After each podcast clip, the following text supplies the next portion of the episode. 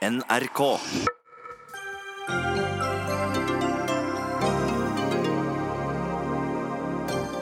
Norske kommuner bruker mer og mer penger på sosialhjelp til flyktninger og innvandrere. Nå må staten kompensere, krever KS. Konsernsjefen inviterte til padletur da han ble bedt om å kommentere gutteklubbtilstander i medieledelsen. Han burde heller fossro, skriver politisk redaktør i konsernsjefens egen avis. Nå skal bedrifter konkurrere om å få drive den nye Hurtigruta. Men hvor ble det av miljøkravene? Og regjeringa innfører nye karakterkrav for å komme inn på sykepleierstudiet. Vi risikerer å gå glipp av masse gode fagfolk, advarer professor.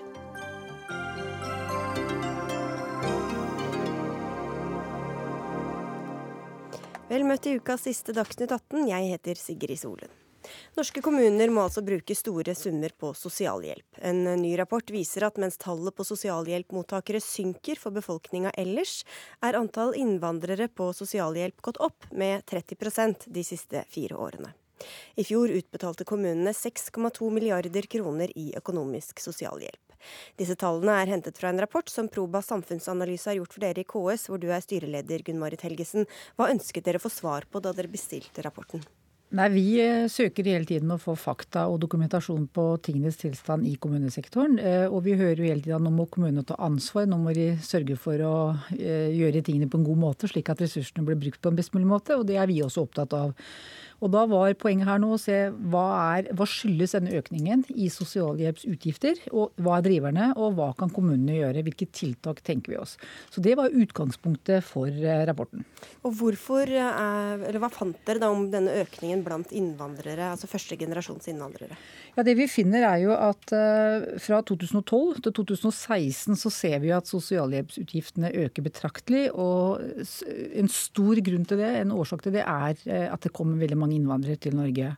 Men det er jo ikke bare det. Det er jo også eh, andre endringer som staten gjør. F.eks. endringer i bostøtten. Eh, arbeidsavklaringspenger. Eh, det kan være økte egenandeler eller barnetillegg som endres osv. Så, videre. så det er jo også andre faktorer som slår inn. Men det er helt eh, tydelig at eh, denne store innvandringen som kom i 2015, gjør et eh, skikkelig innhogg på sosialhjelpsbudsjettet. Vi kan komme tilbake til de andre punktene du nevnte her, men da er det flyktninger primært det er snakk om? Både, ja, veldig ja. mye av det skyldes selvfølgelig flyktninger og integrering av flyktninger. Ja. Mm. Kari Kjønaas Kjos, stortingsrepresentant, sitter i kommunal- og forvaltningskomiteen for Frp. Hvor rimelig er det at kommunene må bruke så mye av budsjettene sine på sosialhjelp? Det er viktig å få med seg at eh, kommunene får kompensert for eh, alle de de eh, bosetter. Det er riktig at staten har oppmuntret kommunene til å bosette flest mulig. Men Fremskrittspartiet har også vært tydelig på at kommunene bare skal bosette så mange som de faktisk klarer. Og det er fordi at eh, det er ikke bare en bolig som skal til. Det handler om eh, språk, og det handler om eh, barnehage og skole og utdanning, og ikke minst eh, det å komme i arbeid. Og når vi de fem siste årene har fått 80 eh, 000 nye personer som har fått opphold i Norge, så eh, forstår jeg at, at det blir propper i systemet. Eh, men vi ser at mange kommuner er veldig flinke på dette. De får folk ut i arbeid. Og så er det andre kommuner som ikke bruker de pengene de får. Og de får da en økt utgift på sosialhjelpsbudsjettet. Så hadde de brukt pengene riktig fra starten av, så hadde de også sluppet de store utgiftene til sosialhjelp. Nei, dette er jo direkte feil. Kommunene bruker selvsagt de de pengene de får på integrering og til introduksjonsprogrammet. Men det som, grunnen til at de kanskje havner på sosialhjelpsbudsjettet, det er jo hvis man etter endt program ikke får dem ut i arbeid eller ut i utdanning, så kan de over tid havne på sosialhjelpsbudsjettet. Så det blir jo litt for lettvint å si at man får penger som man ikke bruker. Sannheten er at kommunene har betydelige merkostnader for å gjøre denne jobben sammen med staten på å integrere mennesker som trenger beskyttelse. Men det er jo sånn at 170 kommuner, viser vel denne undersøkelsen, har ikke denne veksten. Så hvorfor kan ikke de andre bare lære? Da må jo de gjøre noe riktig som de andre kommunene kan lære av, i stedet for å be om mer penger fra staten. Ja, og det gjør vi også. Det er riktig at 170 kommuner ikke har økning. Eh, og det kan være, eh, altså det kan være sammensetningen i befolkning. Det kan være hvordan, hva slags type utdannelse eller bakgrunn flyktningene kommer med. Kan, noen trenger mer hjelp eller bistand for å komme seg ut i utdanning eller, skole, eller i arbeid. Eh, så, så, det er jo ikke noen homogene grupper vi snakker om. Det kommunene eh, bruker penger til, er selvfølgelig å integrere de flyktningene man får til eh, samfunnet sitt, eller lokalsamfunnet. Men, men, man må ikke late som det er butikk å få flyktninger. Det vi gjør fra kommunens side, er rett og slett å integrere, inkludere mennesker som har et beskyttelsesbehov, som Norge har forplikta seg til å ta imot, og som vi forsøker å få godt inn i de lokale samfunnene, slik at de blir medborgere på linje med oss andre. Og Hvordan kan da Erna Solberg og andre si at det er lønnsomt lønnsomt for kommunene å bosette flyktninger, eh, Kjønaas Kjos? Ja, men, og det er jo feil det som KS sier her, for det er kjempestore forskjeller mellom kommunene. Det er flere kommuner som lykkes veldig godt. De får veldig mange ut i arbeid, og de bruker penger på dette. Og så er det kommuner som ikke bruker de beløpene de får. De gir dårlig oppfølging. og Vi har nettopp fått en rapport som viser enormt store forskjeller mellom kommunene. Og de kommunene som lykkes, de har ikke utgifter ved å, å bosette. Og det er grunnen til at disse kommunene også er veldig positive til å ta imot flere. Men, men så sier hun at det går ikke an å sammenligne nødvendigvis. At de som kommer til den ene kommunen og lette å bosette, eller lette å få ut i jobb, de er, er ikke de samme man finner i nabokommunen. Altså, jeg vet ikke hvordan KS kan si at uh, noen kommuner får bare vanskelige beboere til seg. Uh, jeg tror at alle kommuner opplever store forskjeller. Uh, noen som kommer er analfabeter, noen har høyere utdanning. Men det blir jo jevnt fordelt utover på kommunene, sånn at det, det blir den samme, samme, utfordringen. Men det kan være enkelte kommuner som ikke har arbeidsplasser fordi de er veldig små kommuner. Og det kan godt tenkes at de ikke burde tatt imot uh, flyktninger. For er det ikke jobb der, så vet vi at alternativet er sosialhjelp. Og det er ikke noe bra nå for noen. Jeg, nå syns jeg representanten Kjos skal huske på at i 2015 så var det ikke noen mild anbefaling fra staten. Det var faktisk krise. Kommunen ble bedt om å ta imot og bosette mennesker som trang beskyttelse i Norge. Det var mange flere enn det vi sa vi kunne ta imot. Vi var med på dugnaden. Kommunen har gjort en kjempejobb. Og i tillegg til det så har vi altså hatt Eh, F.eks. Eh, oljeprisfallet og arbeidsplassreduksjoner på Vestlandet, som gjør at det er sammenhenger, som vi har prøvd å si. Det er sammenhenger i arbeidsplass eh, og arbeidsledighetstallene sammen med utdanningsinstitusjoner, med bakgrunn til flyktningene.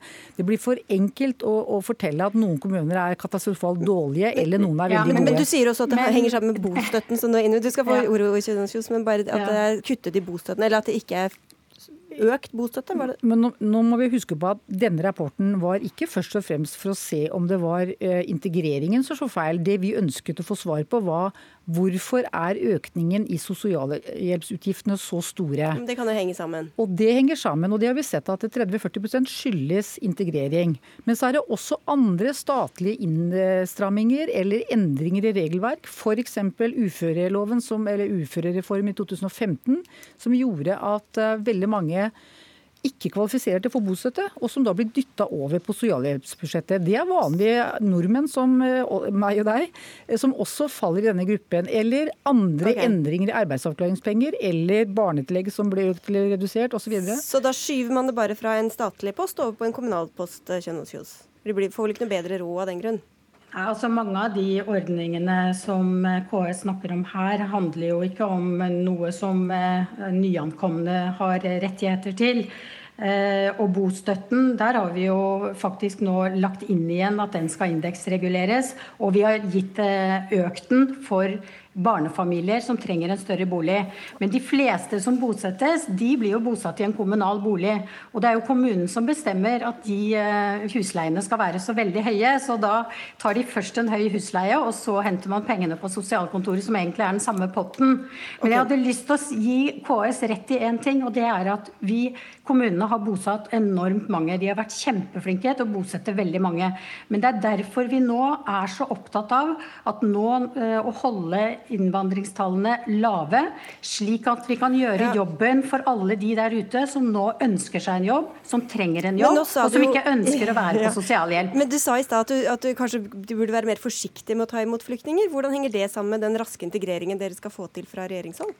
Ja, men Mange kommuner er veldig flinke på det. De må gjerne kunne gjøre denne jobben. Men de kommunene som ikke klarer det, de som ikke gir god nok norskopplæring, de som ikke har en arbeidsplass å tilby i det hele tatt, de bør kanskje ikke få den jobben. Det er eh, noe vi skal se på nå, fordi det er altfor store forskjeller mellom kommunene. Ja. Ok, vi må si stopp der. Takk skal dere ha begge to, Kari Kjønaas Kjos fra Fremskrittspartiet og Gunn Marit Helgesen fra KS. Dagsnytt 18 alle hverdager kl 18.00 på NRK P2 og NRK2.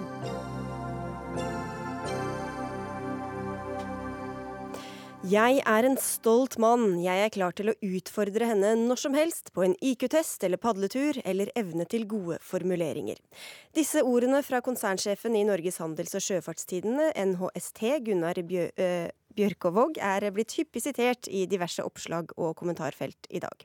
Uttalelsen kom som en kommentar til påstanden fra VG-redaktør Hanne Skartveit om at det eksisterer en eh, usunn gutta boys-kultur i toppledelsen i Skibsted. Dagens Næringsliv sjekket med andre store mediekonsern, og fikk dermed dette svaret fra toppsjefen i sin egen eier NHST. Hvor du altså er konsernsjef Gunnar Bjørkavåg. Hva håpet du at du skulle oppnå egentlig med en IQ-test eller padletur med Hanne Skartveit? Dette ble helt feil eh, av meg, både innhold og form. Så eh, jeg eh, må bare beklage det hele. Det jeg, var, jeg er veldig sånn konkurranseglad, som alle som kjenner meg vet godt. Og jeg ønsket bare der og da å uttrykke at jeg er konkurransedyktig som leder. Men dette ble bare helt feil i innhold og vinkling og form og sånt. Så, so sorry. Dette blir den en story som blir meningsløs. Og ja. står ikke for verken det konsernet står for, eller det jeg står for. Du korrigerte i Aftenposten og sa du heller burde invitert på scones og te. Tror du kvinner liker det bedre enn eh, padleturer og IQ-tester? Ja, kanskje, men det, det, jeg sa også da at uh, jeg gjorde en invitasjon for å høre på henne, fordi jeg tror hun uh, har et poeng. Så uh, det var en, en atskillig mer ydmyk tilnærming som der kom. Kjetil Bjalstahem, du er politisk redaktør i Dagens Næringsliv, og du gjorde noe litt ekstraordinært i dag. Du skrev en kommentar om dette mot denne uttalelsen og din egen sjef på en måte. Hvorfor, hvorfor gjorde du det? Eh, det, ja, det, det, var en litt spesiell dag for, for alle oss som jobber i, i, i, Dagens Næringsliv og store deler av og de andre selskapene i NHST, tror jeg. Eh, det jeg opplevde var at eh, mange var skuffet og lei seg og provoserte og sinte. Eh, og det skjønner jeg godt, fordi det er, det er ikke noe gøy å, at eh, toppsjefen i konsernet sender eh, signaler som altså som minner om sånne holdninger vi forbinder med TV-serien Mad Men eller uh, den slags fra, fra tidligere tider. Uh, så det, vi vil jo at folk skal være stolte av å jobbe i DN. Eh, så det var viktig å få sagt at uh, dette er ikke de holdningene vi har. Men alle kan jo uttale seg litt slumsete en gang iblant. Men hva, om noe, kan dette være uttrykk for utover akkurat en litt sleivete bemerkning? Uh, det, det, Jeg syns det Vi ser også litt i hvordan Jeg syns det er veldig bra at Gunnar Bjørkavåg sier det han sier nå. At dette, dette ikke, ikke, var bra, og at det ikke er representativt for de holdningene vi skal ha i konsernet. Men eh, han, jeg syns også han i noen av de uttalelsene han har hatt i dag, tar litt lett på hvordan vi skal få gjort noe med det som, det som, eh, som er et problem, nemlig at vi har en veldig mannsdominans eh, i konsernledelsen, men også i, i ledelsen i Dagens Næringsliv, f.eks. i redaktørkollegiet, der det er én kvinne av seks. Så, poenget er at Man mm. må for det første eh, erkjenne at det er et problem. Vi blir for ensidig sammensatt, så, så, så svekkes vi som selskap. Og, og så, så, må man gjøre noe aktivt med det. Det kommer ikke av seg selv at man får løst det. Men Bjørkavåg, tror du, eh, du sier at du beklager, men tror du det kan være en sammenheng mellom det faktum som Alstaheim påpeker nå, og disse uttalelsene du kom med? Det kan godt være. Altså, det er jo et faktum, det faktumet som foreligger. Um, denne saken vil bli behandlet både i styret og i ledelsen fremover. og um, Kjetil har helt rett i at sånn, uh, skal vi få gjort noe med dette, så uh, må vi uttrykke mye mer ønske om å få gjort noe med det, og også konkret gjøre noe med det. Så det vil den fremtidige behandlingen raskt kunne avklare. Og jeg håper det er liksom siste gang at jeg blir konsentrert slik. Det, det er jo et faktum når man er på null i kvinnelige medarbeidere i konsernledelsen, så er det på null. Samtidig så eh, derfra så kan det jo egentlig bare gå oppover. Så eh, jeg får eh, ta ad notam det som har skjedd, og jeg har fått veldig mange kritikker i dag. Og det har også vært en litt vond, men kanskje nødvendig vekkelse også for meg. Du, jeg må hjelpe deg litt, holdt jeg på å si. For det står jo ikke så mye til i andre steder heller. Altså I Schibsted-konsernet er det bare 15 kvinner. Eh, noe som også har fått flere til å reagere, blant andre deg, Trine Eilertsen. Du er politisk redaktør i Aftenposten, som altså ligger innunder Schibsted. Hvorfor tror du det er sånn hos dere? Nei, altså det, dette her eh, er egentlig ganske enkelt. Både når eh, man lykkes i å øke kvinneandelen og mangfoldet, og når man ikke gjør det. Det handler om hard jobbing og strukturert jobbing, og ikke minst det vilje fra toppen om å få det til.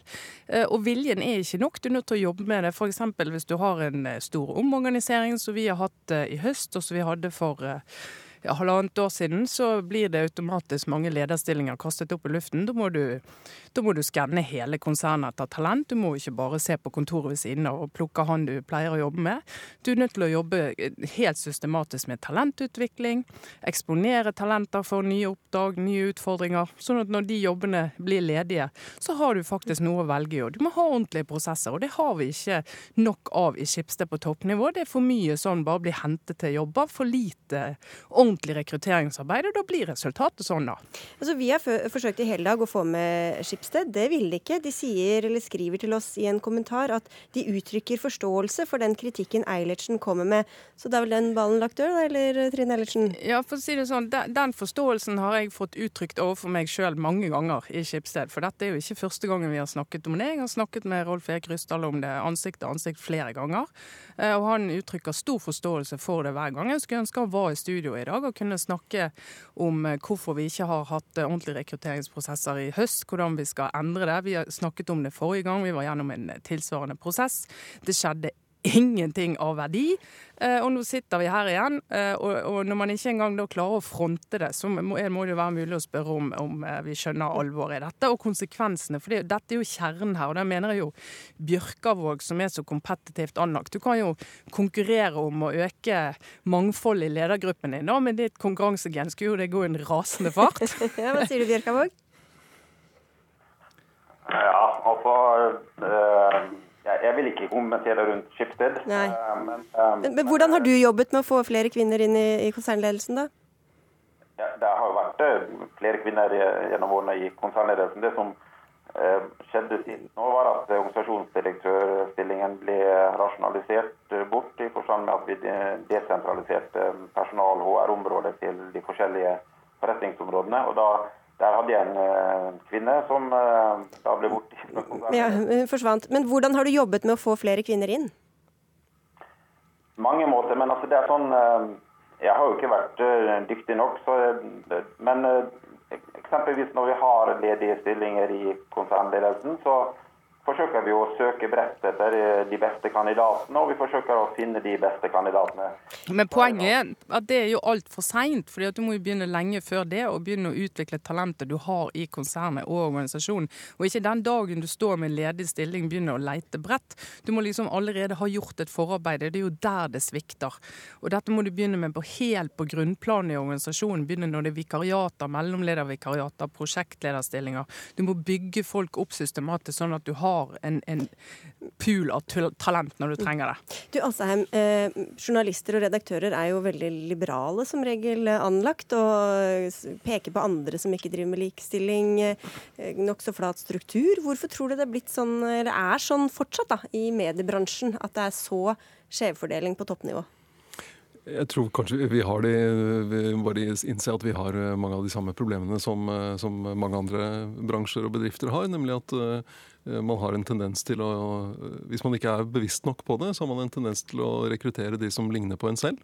Fordi det oppleves tryggest, selv om det ikke er lurest. Mm. Så det, det, jeg tror det handler litt om det. Men eh, da blir det litt flaut å sitte og peke på andre samtidig? Ja, det er klart. Det, det, det er, er, jo pine, sånn som jeg, jeg er jo ofte i Stortingets presselosje. Det er jo en mannsdominert forsamling veldig ofte. Det er jo litt pinlig når vi skriver mye om, om, om, eh, om likestilling i andre, i andre, steder. Du, Trine Eilertsen Liten, liten oppløftende kommentar der. Det er sånn jeg, jeg, har jo en kvinnelig styreleder, og halve NHS-bestyret er, består av dyktige kvinner. Og i mellomledelsen, og sånn som når Trine Ellersen kommenterte dette med talentutvikling, så er jeg helt enig. Så det, det, står, det står, bedre til uh, innad i organisasjonen enn det det gjør i konsernledelsen på likestillingssiden. Samtidig så er det sånn at vi leder, jeg leder altså et internasjonalt konsern. Når jeg er i Singapore, så er det utfordringer knyttet til hvem vi skal ha der. Eh, når vi er, i, eh, er nå i London. Det er utfordringer her. Så liksom sånn, Det å jobbe med mangfold det er mer enn likestilling også så blant kjønnene. så det, Dette er superkrevende. Mm. og Samtidig skal du forsøke å velge de beste kandidatene og sette sammen de beste gruppene. så jeg kommer til å forbedre NHS ganske fort, men altså, dette er ikke en enkel sak. og Jeg vil gjerne etterlate det inntrykket, selv om jeg legger meg fullstendig flat. så Eh, vi har mange grep vi forsøker å ta dette fremover. Men mm. eh, det, det, det nytter liksom ikke å, å, å tro liksom sånn at dette her er i, i siden. For liksom sånn, vi skal skape verdier også. Det, det er summen av alle våre anstrengelser som uh, fører oss fremover. og Jeg tar imot alle innspill med det beste på Det skal du sikkert, for du har jo bl.a. fått, eh, om ikke et innspill, så i hvert fall kritikk fra denne kvinnelige styrelederen i dag også. Men du, helt til slutt her, eh, Eilertsen, jeg vet ikke om det var noe du ville kommentere om dette med at de også må lage, skape verdier. Men eh, hvordan, hva slags konsekvenser får denne mannsdominansen for kvinner i bl.a. hos dere, da? Nei, altså Denne uken og forrige gangen vi hadde samme runde, den foregikk jo i mye større grad internt, så er det, et voldsomt stort sinne blant veldig dyktige kvinner i konsernet. Og det vi selvfølgelig er redd for, det er jo at vi skal få rykte på oss for å være et konsern som ikke utvikler talent. Og da, da kan du snakke om å skape verdier, men hvis ikke du greier å utvikle talent, beholde de beste, rekruttere de beste, og virkelig plukke fra hele dammen av talent, og ikke bare en liten, bitte liten del av den, ja, så, så kommer ikke til å vinne den konkurransen konkurransen. Og det er, det er ikke sunt for, for, oss som er i en så vanvittig konkurranse som vi er i dag, å bruke så mye tid på å være så irritert som så mange av oss er nå. Bare sylkort her. Det er klart, uh, uh, Noe av det vi så hos oss i dag, var at dette det er klart var provoserende for mange av de kvinnelige ansatte, men det var jo veldig mange av de mannlige ansatte, alle de mann, man, vil jeg nesten si, de mannlige ansatte som reagerte like sterkt. Så det, dette handler jo om hva moderne, hva, moderne hva, hva arbeidstakere forventer av en moderne bedrift i vår tid. og da, eh, da kan vi ikke ha den typen uttalelser. Takk skal dere ha, Kjetil Astheim og Gunnar Bjørkavåg, for at dere tok debatten her i Dagsnytt 18. Så får du fortsette den på kammerset, Trine Eilertsen.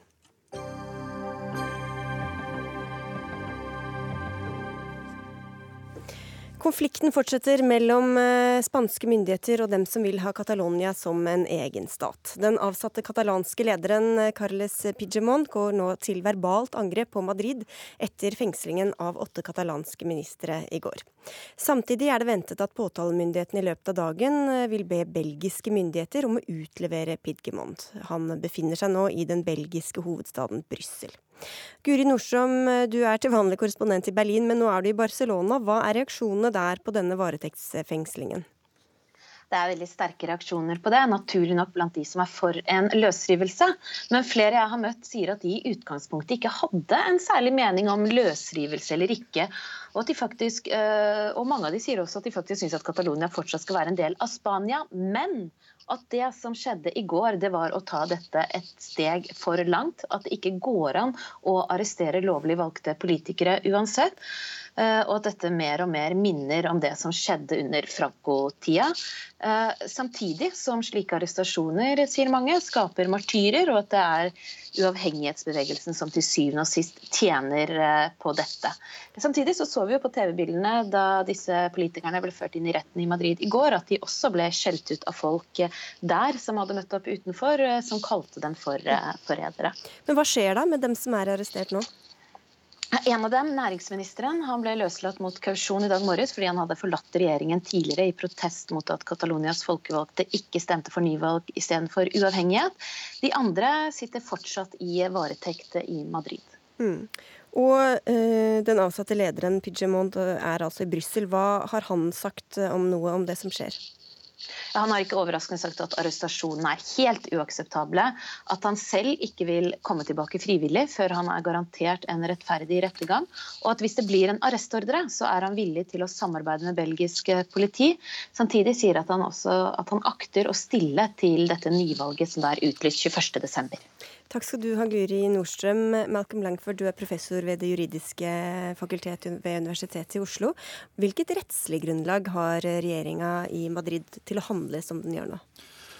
Vel, eh, Juridisk sett uh, kan de bruke det spanske grunnlov som forbi faktisk uh, løsrivelse. Så de katalanske separatister har litt av en dårlig sak i forhold til det spanske statsrett. Hvis vi ser på folkerett, er det kanskje litt mer komplisert, men det er også vanskelig uh, for de katalanske separatister. Uh, alle folk, han, inkludert Catalonia, har en rett til uh, selvbestemmelse, men veldig få har en rett til løsrivelse. Hvor, hvor, alvorlig er det da for disse menneskene, disse regjeringsmedlemmene som er blitt arrestert? Det er kjempealvorlig hvis du ser på sakene. Det er opptil 30 år i, i fengsel. Uh, for det. For det handler om opprør, det handler om også bruk av uh, finans. Mm. Og uh, Pidjemont, som altså sitter mm. i Brussel, hva kan skje med ham? Uh, det er sannsynligvis det er, Vi vet allerede det blir et uh, Europa-arrestordre. Uh, det er blitt uh, utstedt. Og han må kjempe i det belgiske rettssystemet mot det. Men han har bare 60 dager, og domstolen har bare 60 dager. Og jeg tror han har en dårlig sjanse uh, til å stoppe. Så han blir utlevert? Jeg tror han blir utlevert. Mm. Uh, for det er, ikke, ikke snakk om dobbeltstraff, dødsstraff. Det er en seriøs uh, ting at han blir siktet på. Mm. Hva med andre staters støtte til Catalonia? Det er vel eh, ikke mange, men eh, ja. noen som har eh, uttrykt, uh, uttrykt stø støtte ja. til selvstendighet. Så I mean, Catalonia har en uh, dårlig sak i, i, i, folkerett, fordi I mean, de har ingen samtykke fra moderstaten uh, Spania. De er ikke en tidlig koloni for eksempel, av Spania, og det har ikke vært en grov menneskerettighetsbrudd. Så hvis de vil bryte ut og bli en ny stat, trenger de anerkjennelse av andre stater. Mm. Så Norge, som 200 andre stater, sitter med som en gullkort. Uh, det er om, om det vil bli en tommel opp eller en tommel ned til uh, uh, Catalonia. Og, så Norge kan f.eks. anerkjenne Catalonia, men det er litt farlig, for det kan også bli fortolket som en krenkelse av Spanias suverenitet hvis Catalonia har ikke en rett til løsrivelse. Mm. Så folkeretten uh, sier en del om hva som uh, kan uh, tale for løsrivelse. Ja. hva sier norsk lov om løsrivelse? Hvis noen skulle finne på ja, ønske å gå ut av ja, ja, for eksempel riket? Hvis det var en stortingspolitiker for Østfold og, eller Hordaland som vil ta Østfold eller Hordaland ut av Norge, er det faktisk straffbar. hvis vi ser på paragraf 1 av det norske grunnlov. kongeriket er udelelig. Og Hvis vi ser på paragraf 111 av straffeloven, er det opptil 15 års fengsel for det. Så det er ikke så annerledes enn en eh, Spania. Merke seg det, da, alle de som sitter rundt og skulle ønske seg litt mer selvstendige. Du, tusen takk skal du ha for at du kom, eh, kom til Dagsnytt 18, Malcolm Langford. Takk for det. Takk.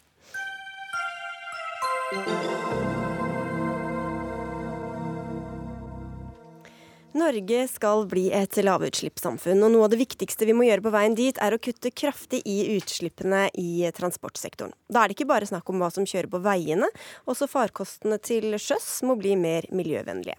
Og det er noe av bakgrunnen når konkurransen om å drive den nye Hurtigruta nå får sterk kritikk.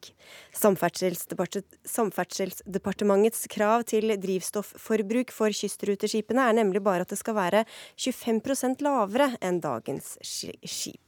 Og det ble beskrevet som altfor slapt på Zero-konferansen nylig, der dette var oppe som tema, hvor du vel også var, Erik Jansen. Du er leder av Selfa Arctic, er båtbygger og fagekspert på maritim teknologi. Hvor ambisiøse vil du si at regjeringas miljøkrav er? Nei, dem er slappe, ja. Det er, altså, for det første meldinga fra industrien da, at det er mulig å seile Hurtigruta nullutslipp i dag. I dag allerede? Altså teknologisk sett. Mm. Men det skal, det skal ikke Gud sa jo det skulle bli lys, men det skal legges litt kabel før det kommer på. Så det tar tid, alt det her. Det andre signalet vi eh, sier, det er jo at når staten eller Hurtigruta bruker jo 1% av all petroleumen som vi bruker i Norge. Eh, og staten bruker 700 millioner i året i å få denne båten til å gå opp og ned i subsidier. Og når man setter 25% i en sektor man har 100% kontroll over utslippene, hvordan skal man da greie det i sektorer hvor eh, man er nødt til å bruke pisk og gulrot og all den slags Så med andre ord, vi tror ikke at regjeringa har en plan om å oppfylle Parisavtalen. Så hva slags miljøkrav kunne de ha stilt da, og fortsatt klart å få disse skipene på vannet og med passasjerer om bord? Nei, de må jo gjøre som altså, Samferdselsdepartementet er jo egentlig ledestjerne i hele verden hvordan det skal gjøres. Ferjesektoren har de greid det. De har hjulpet oss i hurtigbåtsektoren å få det til. Men i hurtigrutesektoren så har de da helt klappa sammen og, og bare levert noen anbud som ikke ligner noen ting. Samferdselsminister Ketil Solvik-Olsen, dette får vi til, sier bransjen selv. Hvorfor ikke la dem gjøre det? Det hadde jo interessant om bransjen også sa hvor mye dette vil koste, hvor mye som må bygges av infrastruktur på land før du får det til, og hvilken risiko i forhold til driftssikkerhet som òg ligger i dette. Det er ingen tvil om at vi kommer til å fortsatt utvikle teknologi i Norge. Vi kommer til å ta det i bruk i stadig større grad. Og så skal vi klare å kombinere dette på en best mulig måte, der vi klarer å kutte utslipp totalt sett i Norge på en mest mulig effektiv måte, samtidig som vi stimulerer norsk næringsliv. Vi ser jo på veitrafikken, og det er glad vi i hvert fall får ros der, at det er nå reduksjon i CO2-utslipp. Eh, teknologiutvikling som skjer på batteribiler er veldig bra. Virkemidlene fra staten er gode. Det bygges stadig flere ladepunkt og lignende. Når det gjelder skipsfart, så er det òg et vell av uh, ulike tilnærminger her. Ved at vi innen 2020 så kommer det til å være over 50 ferjer med batteripakke om bord. Vi er i gang med å utvikle egen hydrogenferje. Det er ulike avgiftsinsentiv på på, fra Kystverket når det gjelder eh, havneavgift og lignende for miljøvennlige skip. Og så har du òg Hurtigruta som i dag trafikkerer kystruta, der vi nå skal ha nytt anbud. Det, jo, det, går ut på anbud med jevne mellomrom. Der vi for første gang stiller krav om kutt i CO2-utslipp. Så det er ikke sånn at vi nå gjør det dårligere enn før. Det er første gang vi stiller krav. Men spørsmålet er om de kravene er gode nok. Og, og, kravene går på at vi nå skal ha, i, i løpet av den eh, tiårsperioden, så skal du ha eh, totalt sett hatt 25% lavere utslipp enn det vi har sett historisk. Og da er jo dette sånn at her er det jo ikke sånn at staten eier eller kjøper skipene. Her har du et tilbud der eh, disse som vinner anbudet, òg kan ha mye andre ting i, i, skipet sitt. Mange av de driver jo, altså Hurtigrute i dag leverer jo cruiseturisme og sånne ting. Så dette er veldig annerledes enn et ferjeanbud der vi kjøper en konkret tjeneste som på en måte fyller hele skipet. Og Det er derfor vi, vi kjøper en del av tjenesten her. Men, men, vi stiller altså krav om utslippskutt. Ja, Kanskje men, ikke så mye som noen ønsker, nei. men det handler om hvor kutter du mest i forhold til de pengene du bruker. Ja, men har, har man da tenkt å overholde Parisavtalen? Det har vi. Hvordan kan man da stille et krav i en bransje hvor man har 100% kontroll, og setter med 25% og så signerer man på 40 altså det, det, det henger overhodet ikke på grep der. Og, og, og, industrien er klar til å levere ny teknologi ja. som gjør at det her er mulig. Forstått som jeg forstått også vil, vil, ja, men Vi kan komme tilbake til kostnadene, men til og med nye dieseldrevne skip kan, mm. kan klare dette 25 %-kuttmålet. Hvorfor ikke da liksom hoppe over det leddet og gå rett til det som du vet at du uansett må til eh, før eller senere? For eh, et lite år siden så presenterte Hurtigruta at de skulle bygge kanskje opptil fire nye skip som skulle være hybridskip. De ville få til ca. dette kuttet som vi nå snakker om. Det var en fantastisk greie. Bransjen jubler. Nå er plutselig dette helt bånn i bøtta dårlig, men disse skipene er ikke engang bygd ennå. Og det er det vi må sørge for at når vi har et anbud, så må det være forutsigbart for de som vinner. De skal kunne ha skip som de òg skal kunne finansiere, og som skal drive. Eh, og Da kan du ikke sette i gang noe nå for at du en gang midt i anbudet skal kunne levere denne tjenesten. Dette må være klart fra start 1. Og så skal vi fra statens side være med å fortsatt finansiere teknologiutviklingen for skipsfart. Sørge for Ja. at ferjene, som, som har mye mer kontroll på enn Hurtigruta, eh, leverer stadig utslippskutt. Men, så Jansen, hvordan vet du at, det, at både det, at dere hadde klart det, og at det hadde vært økonomisk mulig å nå det målet? Altså, De pengene som eh, Solvik-Olsen etterlyser, de finnes jo. Altså, Det kuttet som nå beskrives, det vil gitt 1 milliard kroner i støtte fra NOx-fondet. Det, det er et privat fond som det næringa sjøl det er betaler inn til? Det er ikke statlige penger i hele tatt. Og så skal vi selvsagt altså Stavanger så jo ikke akkurat sånn ut i 1968 som det gjør i dag. Altså Det koster jo nå å bygge et nytt samfunn. Og vi skal ha en ny struktur langs kysten med strøm, med hydrogen, for å, for å drive ikke bare Hurtigruta, ferjer, hurtigbåter, kystbåter osv. osv. Og det vil jo selvsagt koste noen kroner, men det er overhodet ikke Men mitt spørsmål til Solvik-Olsen er eh, går utslippene ned? Utslippene går ned.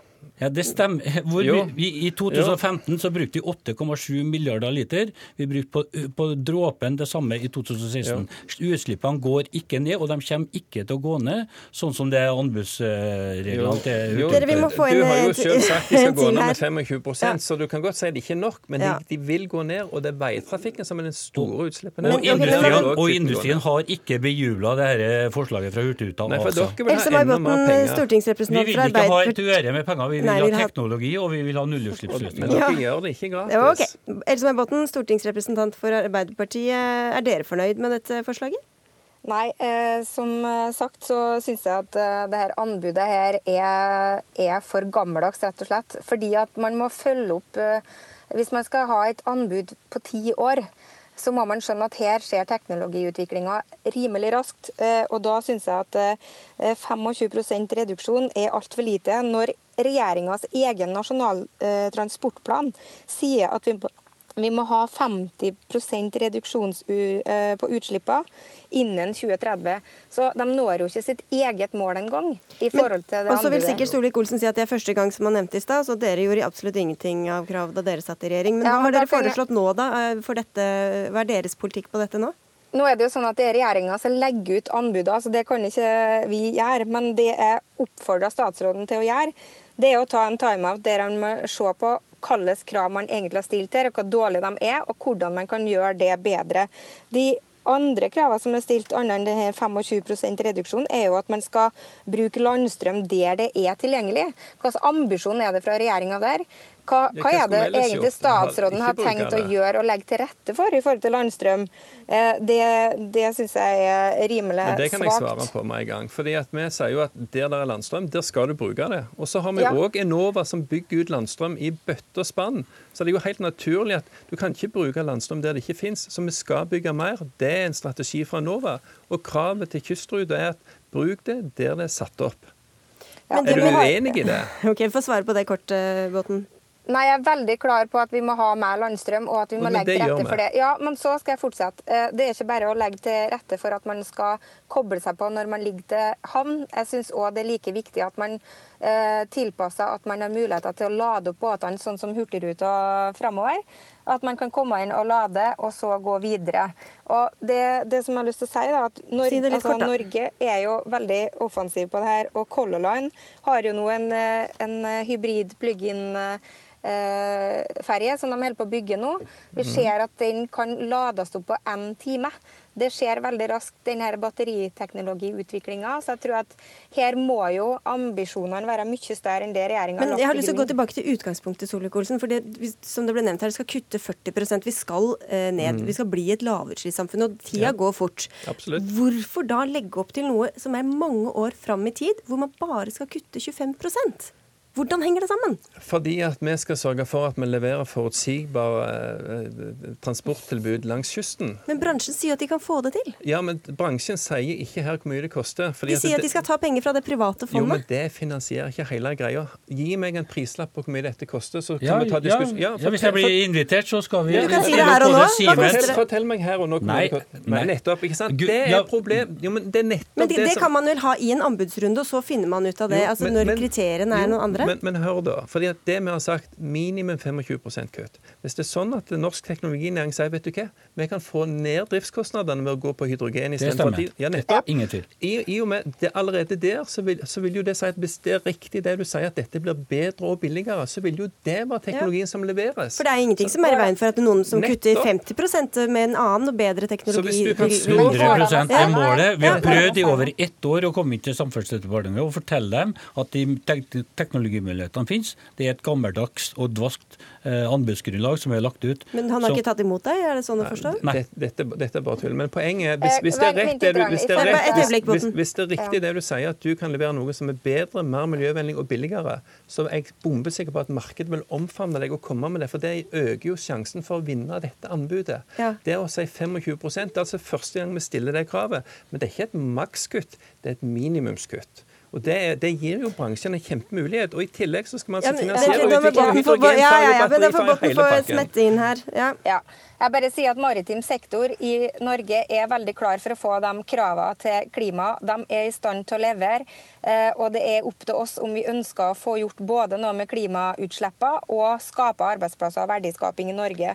Når det gjelder ferjeanbud, så har vi sagt at vi må inn med penger. de ferjeanbudene, er ikke det vi skal Nei, men det henger sammen. for at eh, Der har vi òg sagt at vi stiller strengere krav, og vi bidrar til penger i teknologiutviklinga.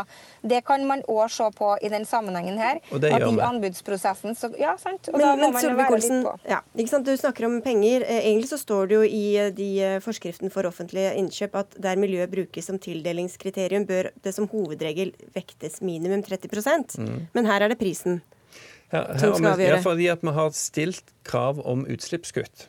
Sant? Sånn at du skal levere men kan på det. Kan du lempe litt på det, da? Altså, fordi det kan jo, altså, Noen ting er dyrt i begynnelsen, så blir det mye billigere etter hvert. Men det vi òg har sagt, det må ha sagt er at i løp, det er snitt i løpet av tiårsperioden er 25% utslippskutt. Så det betyr at for eksempel, Hvis Hurtigruten vinner dette, så vil de altså kunne bruke sine ferjer i starten, men det betyr at de stadig må oppgradere det. Så da vet du heller ikke egentlig om de kommer til å ende på 25% kutt i slutten av perioden? Det er jo forutsetning for hvis ikke vil det jo ligge en økonomisk straff i dette. Men det betyr jo at mye av den teknologien som utvikles underveis, etter hvert vil bli implementert. Så det er ikke sånn at den, den, eh, de elleve båtene eller skipene du begynner med i 2020 er de samme som du stopper med i 2030. Men, nei, du, det, nei, du kan ikke det, dessverre, Botten. Beklager. Men uh, Jansen har prøvd å få kontakt med deg. sier han. Vil du ta imot ham på kontoret? Vi, vi, pleier å møte alle som inviterer seg til ja, oss. Jeg tror vi har mye å snakke om, fordi at det er mye å, å få til i sektoren her. Men ting tar tid. Altså Drømmeeksempelet er ferjeanbudet.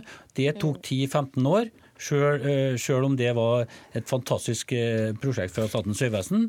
Men 15 eh, år, det er etter 2032.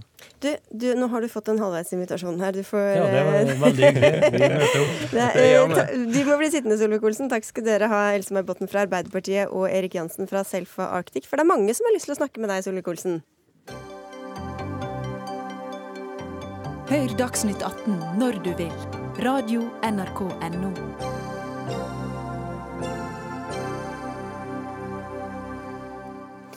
Ordførerne i Midt- og Gudbrandsdal brukte nesten 400 000 kroner på PR-byrå for å få fullført den lenge planlagte E6 gjennom Gudbrandsdalen.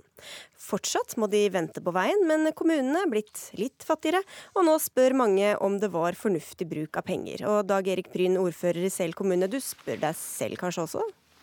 Nei, eh, det gjør jeg ikke. Det er et uvanlig verktøy for oss gudbrandsdøler å ty til et eh, PR-byrå.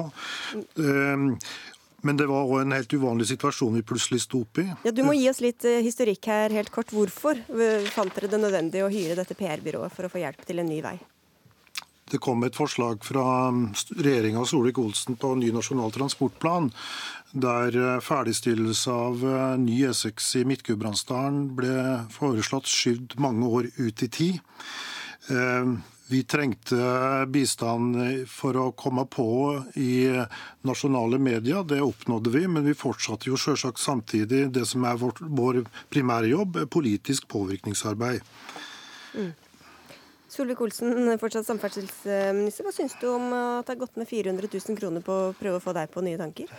Det er, fullstendig bortkasta penger. fordi at Det å tro at du klarer å presse gjennom å få medieoppslag at vi skal plutselig begynne å sløse vekk statens penger, det gjør vi ikke. Dette er jo ikke fordi vi ikke ønsker å bygge en bedre E6 gjennom Gudbrandsdalen. Vi skal bygge en god motorvei helt fra Oslo til Trondheim. Den må gjennom Gudbrandsdalen. Vi skal få en god motorvei på plass. Så der trenger vi ikke bruke ei krone på å overbevise meg. Der tror jeg faktisk at vi er gode kamerater. Men det som jo er utfordringen her, som dere ikke berørte i hele tatt med den pengebruken deres, det er at grunnen til det har blitt problem og diskusjon rundt E6 Gudbrandsdalen, er at prislappen er nesten dobla på strekningen rundt Ringebu, der lokale ordførere ønsker ønsket en helt annen trasé, som i seg selv er med å bruke mer tid på å få en vei ferdig. Der har altså prislappen gått opp med 112% og istedenfor at dere da skal bruke skattebetalernes sine penger på å kjøpe oppslag i TV 2 og Dagbladet, du må bare presisere at det ikke går an å kjøpe seg oppslag. Nei, men, men for å si sånn, på, på, begge de oppslagene som Dagbladet har skrevet om dette tre ganger, ingen gang så har de skrevet om at kostnadene dobla seg. De bare skrev om hvor rettferdig det er at en ikke får veien. Denne veien vil jeg bygge. Men hvis dere skal hjelpe oss lokalt, så må dere være med å finne ut hvordan vi får kostnadene ned, så vi kan bygge hele E6 fra Trondheim til Oslo. Og ikke sier at vi skal ha veien koste hva det koste vil, og vi skal heller bare presse ut andre veistrekninger i den kampen. Det er jo det ja, dere har brukt penger på. Jeg må bare si for ordens skyld at Dagbladet, jeg vet ikke hva de, de er sikkert helt uenige i hvor kritiske de har vært, men uh, la det ligge. Pryn, hvorfor kunne du ikke heller prøvd å komme i kontakt med Solvik-Olsen, og ikke minst dine egne politikerkolleger, for å komme dem i møte på en annen måte, da? Jeg skal komme tilbake til det. Jeg vil også kommentere kostnadsvekst, men jeg må bruke noen få ord på historikken her. Eh, det har vært planlagt ny E6 i Gudbrandsdalen siden 1970. Mm. Utover på 90-tallet og inn på 2000-tallet så var dette en av de veistrekningene i Norge som hadde flest alvorlige bilulykker. Flere titalls drepte, mange hundre hardt skadde. Ordførerne i Gudbrandsdalen i 2005 sa at dette her går ikke an å leve med lenger. Og Vi starta et langsiktig arbeid for å prøve å få en gang for alle ny E6 inn i Nasjonal transportplan. Vi lyktes. Den kom inn i Nasjonal transportplan ved stortingsvedtaket i 2009 og ble bekrefta på nytt i 2013. Og I 2013 så ble det også starta bygging av det som kalles etappe 1. Og så har det da vært forutsetning fra Stortinget at etappe 1 skulle følges opp av etappe 2. Det ligger vedtak i Stortinget to omganger i 2013. Så altså, eh, Bakteppet her er at vi etter tur gikk i begravelser for sambygdinger som hadde omkommet på riksveien i Gudbrandsdalen. Eh, og det, Den reaksjonen vi nå får når da prosjektet ikke ferdigstilles, men skyves langt ut i tid, den må, må Solvik-Olsen forstå. Ja, Men han sier at det blir for dyrt, at det, at det er ikke sånn det skulle være. Veien skal bygges, men må få kostnaden ned. Da får jeg å kommentere mm. det. Ja. Så vi, vi, er fullstendig klar over at det har vært en, en, en svært kraftig kostnadsvekst på samferdselsprosjekter i Norge. og Det gjelder òg E6-prosjektet i Gudbrandsdalen. Og Vi er gjerne med på å diskutere kutt i prosjektet, men da må vi komme inn til et forhandlingsbord. Solvik-Olsen, og Når du da ja. sier at uh, du har møtt oss mange ganger, så kan altså ikke jeg erindre å ha truffet det ansikt til ansikt de fire åra du satt i første stortingsperiode. Vi ba om møter i flere omganger. Da du satt i transportkomiteen? Nei, nei, men i klima... Stat, nei statsråd Solvik-Olsen sånn, ja. har altså ikke er møtt til, til dags dato. Har du møtt min statssekretær, møtte, Tom Cato Karlsen? Vi møtte din statssekretær. Flere ganger.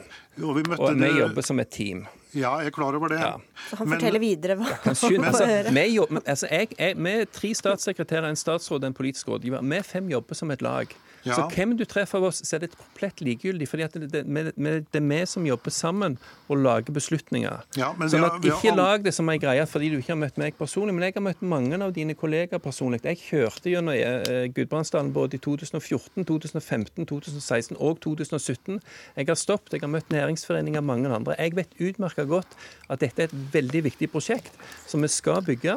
Problemstillingen som du ikke tar opp, det er at det er ikke, altså, ja, kostnadene går opp på mange veiprosjekt, men på dette prosjektet 112% Det er altså mer enn dobling av kostnadene. og Da er det min plikt for jeg skal bygge masse veier, jeg skal løse trafikkutfordringer mange steder. Jeg har òg mista venner i trafikken.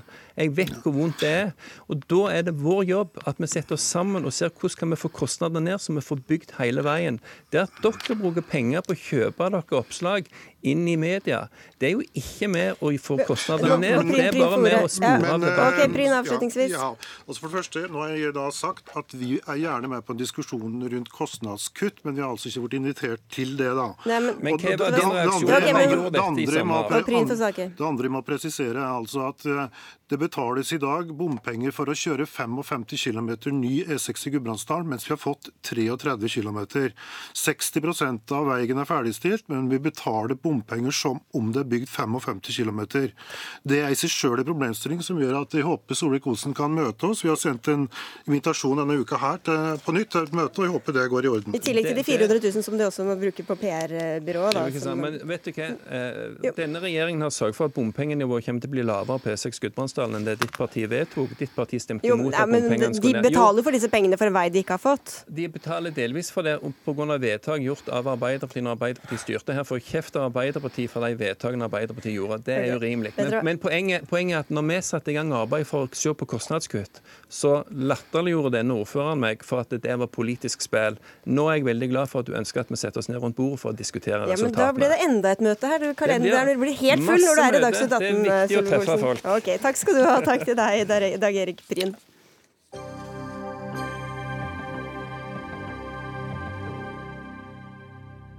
Drømmer du om å bli sykepleier? Da gjelder det å henge med i norsktimene på skolen både i diktanalyse og i sidemål. I morges hørte vi nemlig i Dagsnytt at regjeringa vil innføre karakterkrav på minst tre i matematikk og norsk for å komme inn på sykepleierstudiet. Karakterkravene innføres om to år. Og Kent Gudmundsen, du er utdanningspolitisk talsperson for Høyre. Hvorfor blir det bedre sykepleiere av dette kravet? Fordi vi vet at eh, det er viktig å være god i både medikamentberegning. Eh, du må jo ha god skriftlig fremstillingsevne, muntlig. Eh, det er viktig når du skal møte pasienter og levere god kvalitet. Og vi vet også at gjennomføringa på studiene øker jo når du også forbedrer inntakskravene. Det har vi sett i tilsvarende prosjekter som man har gjennomført, og derfor tror jeg det kan være en god idé for å få totalt sett en bedre utdanning. Likevel er altså ikke alle fornøyde. Grete Haaland, du er professor ved Høgskolen i Oslo og Akershus. Hva mener du blir konsekvensen av disse karakterkravene? Altså Konsekvensen eh, først og fremst tenker jeg jo er at man går glipp av mye gode sykepleiere. Eh, og mye gode fagfolk, rett og slett. Men hvorfor trenger man ikke å være, om ikke annet, middels i norsk og matte for å kunne bli en god sykepleier? Eh, nå er karakterkravet begrunna i at de må være gode til å kommunisere og gode til å samhandle med pasienter og også det med medikamentberegning. Og det er jeg jo helt enig i. Altså Når det gjelder kvalitet på sykepleierutdanninga, så, så, er jeg jo absolutt enig i det. Eh, men jeg tror ikke at veien om eh, karakterkrav eh, i forbindelse med opptak er veien å gå. Um, Nei, for, men når skal de lære dette her, da? Om mat, den matematikken som er nødvendig for å regne altså Her er det jo liv og død det er snakk om. Hvis du regner feil på promille og prosent, mm. så kan det få helt katastrofale følger. Ja, og Det er jeg helt enig i, men jeg mener at uh, karakterkravet der det er ikke det som på en måte bestemmer kvaliteten, heller ikke på den delen av kompetansen. Uh, og når det gjelder karakterkravet, så er jo det beregna på kunnskap, som egentlig er kontekstløst. Det er ikke knytta til helsefaglig arbeid i det hele tatt. Uh, og da mener jeg at, at det ikke har betydning for kvaliteten på den måten. Og så kan du si at eh, Kommunikasjon og samhandling lærer jo også f.eks. Eh, yrkesfagelever i, i, i en helsefaglig kontekst som gjør at de lærer det på en helt annen måte. For Spørsmålet er jo da om eh, faget, matematikkfaget og norskfaget eh, som, og karakterkrav på tre, om det måler det du egentlig får bruk for i sykepleierstudiet og i sykepleieryrket. Ja, altså, og Hvordan vet dere at det gjør det? For det første så er det her snakk om helt grunnleggende matematikk. Altså Det er deling og ganging. Eh, og Det er det man ønsker å ha karakteren 3 i. Hvis du tar f.eks. For fordypning eh, med programfag, så vil du bare ved å ha bestått det eh, automatisk ha oppfylt disse kravene. Så vi må skille litt mellom det. Vi snakker altså om grunnleggende matematikk. Og det er ikke sånn at vi vil miste mange sykepleiere nå. De kravene som vi har lagt oss på nå, mener jeg er ganske moderate i forhold til de tre forslagene som var ute på høring. Er, det, ikke, er det ikke i hvert fall hvert femte elev som ville ikke ha kommet inn? Nei, men, nei, men eh, Det er altså 16 000 som søkte på rundt 4700 eh, plasser. Og det, er klart at eh, det betyr altså at vi har mer enn tre ganger så mye søkere til, til de plassene. Og jeg mener at selv om de selvfølgelig kunne være utfordringer nå i en oppstartsfase, så er det ingen tvil om at dette også vil være bidrag til å øke attraktiviteten til studiet. Det har vi sett f.eks. I, i Tromsø, der man innførte opptakskravene på den femårige masteren til lærerutdanninga. Vi har hatt økning i antall søkere der. Sånn at til syvende og sist så, så, tror jeg dette her er helt moderate krav som er helt nødvendige for at vi skal få den kvaliteten vi ønsker. Og så må vi huske på medikamentberegning. Hvis du bare så bommer med et komma, så er det liv eller død for noen. Og, og Derfor er det utrolig viktig. Og det, det er altså 40 eh, som, som strøyk eh, medikamenteksamen eh, på sykepleierutdanninga for kort tid siden. Vi skal høre med deg også, Olaug Bollestad. Du er ikke bare leder for helse- og omsorgskomiteen på Stortinget for KrF, men du er vel også gammel sykepleier? Ja, jeg er intensivsykepleier, så mm. jeg, jeg, forstår på en måte at det, det er viktig med pro, å vite pro, pro, forskjell på promille og prosent. Men det å være sykepleier er mye mer enn både å kunne tolke dikt og regne ut matte. Og jeg tenker at det finnes veldig mange mange andre egenskaper som òg må bygge opp omkring en sykepleier eller en sykepleier. Det handler om å kunne møte folk i den mest kritiske situasjonen kanskje i livet, hvor de får et dødsbudskap. Den, og, da tenker, og da, ja, da tenker, jeg at eh, eh, matte kan jeg på et vis kanskje litt skjønne, selv om jeg er litt kritisk, men at det skal være et poeng å kunne tolke mer dikt, det at du skal kunne gjøre deg eh, forståelige og forstå handler jo ikke bare om å forstå norsk.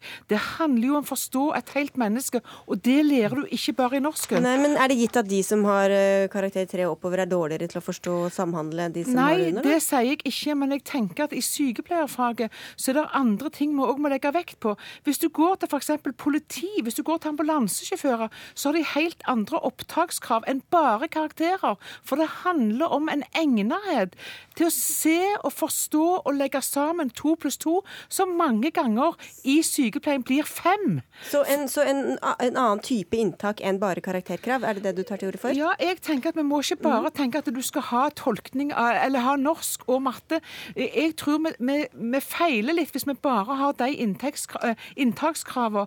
Og jeg tenker at vi kan miste, sånn som hun professoren sier, folk som virkelig òg egner. Og problemstillingen er jo at vi vil i framtida mangle mm. veldig mange sykepleiere og vi gjør porten lavere og mindre og smalere. Vi må få svar fra Gudmundsen her på det. Ja, altså, vi er jo ikke uenige om at du må ha en rekke flere egenskaper når Nei. du skal være i kontakt med mennesker. Og det er jo sånn også at det er rom for f.eks. For, for hver enkelt institusjon å eh, ja, utvide hvordan man skal eh, drive opptak til eh, studiet. Et studie som for øvrig er Norges mest populære og derfor har veldig høy søkning. Men for med Haaland, hva tror du hva, hva hadde vært liksom det prima, med beste måten å fange opp de aller beste potensielle sykepleierne på?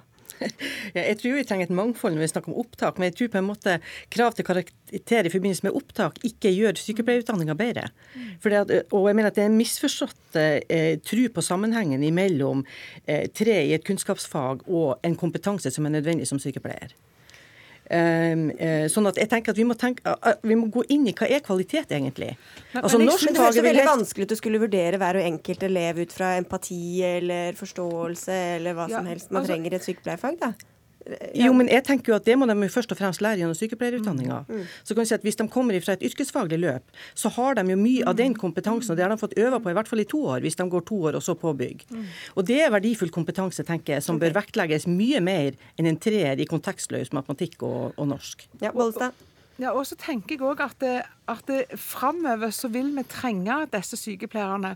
Og jeg tenker at eh, eh, når han sier fra Høyre at vi har 16 000 søkere og får inn 4000, skal vi da risikere at vi lager dette løpet så vanskelig på teorisida at vi kanskje mister de som blir de beste, og vi vil sitte uten Det bærer da mest med ufaglærte. Det samme ser vi jo med det som regjeringa gjorde med, med, med firerkravet i matte til lærer. Da er det bedre å ha ufaglærte folk, og det trenger vi ikke. For det vi trenger er de som ønsker, sier disse damene her, vi trenger de som ønsker å bli sykepleiere, og så lærer de det de trenger jo, på alle, studiet. men alle som søkte av de jeg nevnte, har jo sykepleierutdanninga som første krav. Altså med andre ord, dette er noe de ønsker. Eh, og vi vil jo uansett måtte ha en eller annen form for krav for å komme inn på et studie som har et begrenset antall plasser og flere søkere. Og så vil jeg jo minne om at uh, dette her støttes av Norsk Sykepleierforbund og deres studentorganisasjon. Så jeg syns jo også man skal lytte til de ja, som faktisk står i yrket ønsker ja, og, og jeg, sånn sett vet hva som kreves der ute. Jeg, jeg er ikke uenig i som jeg sier, at, det, at det matte er forståelig, men jeg tenker å begynne å lage porten smalere når det er 16 000 som vil, vil inn, og 4000, da må du heller tenke hva kan vi gjøre for å øke det eh, antall plasser til studenter? Ja, Det er jo å bevilge mer penger til flere studentplasser. Da. Ja, okay, veldig, veldig, veldig kort til slutt, Haaland. Ja. ja, altså jeg tenker at eh, eh, Hva er kvalitet, egentlig? Altså Hva er det som skal videreutvikles? Er det evne til å gjøre en god eksamen, teoretisk eksamen, eller gode sykepleiere vi skal ha? Og Det tenker jeg er et vesentlig spørsmål i forhold til de kravene her. Den kan du få grunne litt på. det kan vi gjøre alle sammen. Takk skal dere ha, Kent Gudmundsen fra Høyre, Ola Bollestad fra KrF og Grete Haaland fra Høgskolen Oslo og Akershus. Dagsnytt 18 er ved veis ende. Dag Dørum, Hanne Lunås og jeg, Sigrid Solund, ønsker en god helg og takk for følget.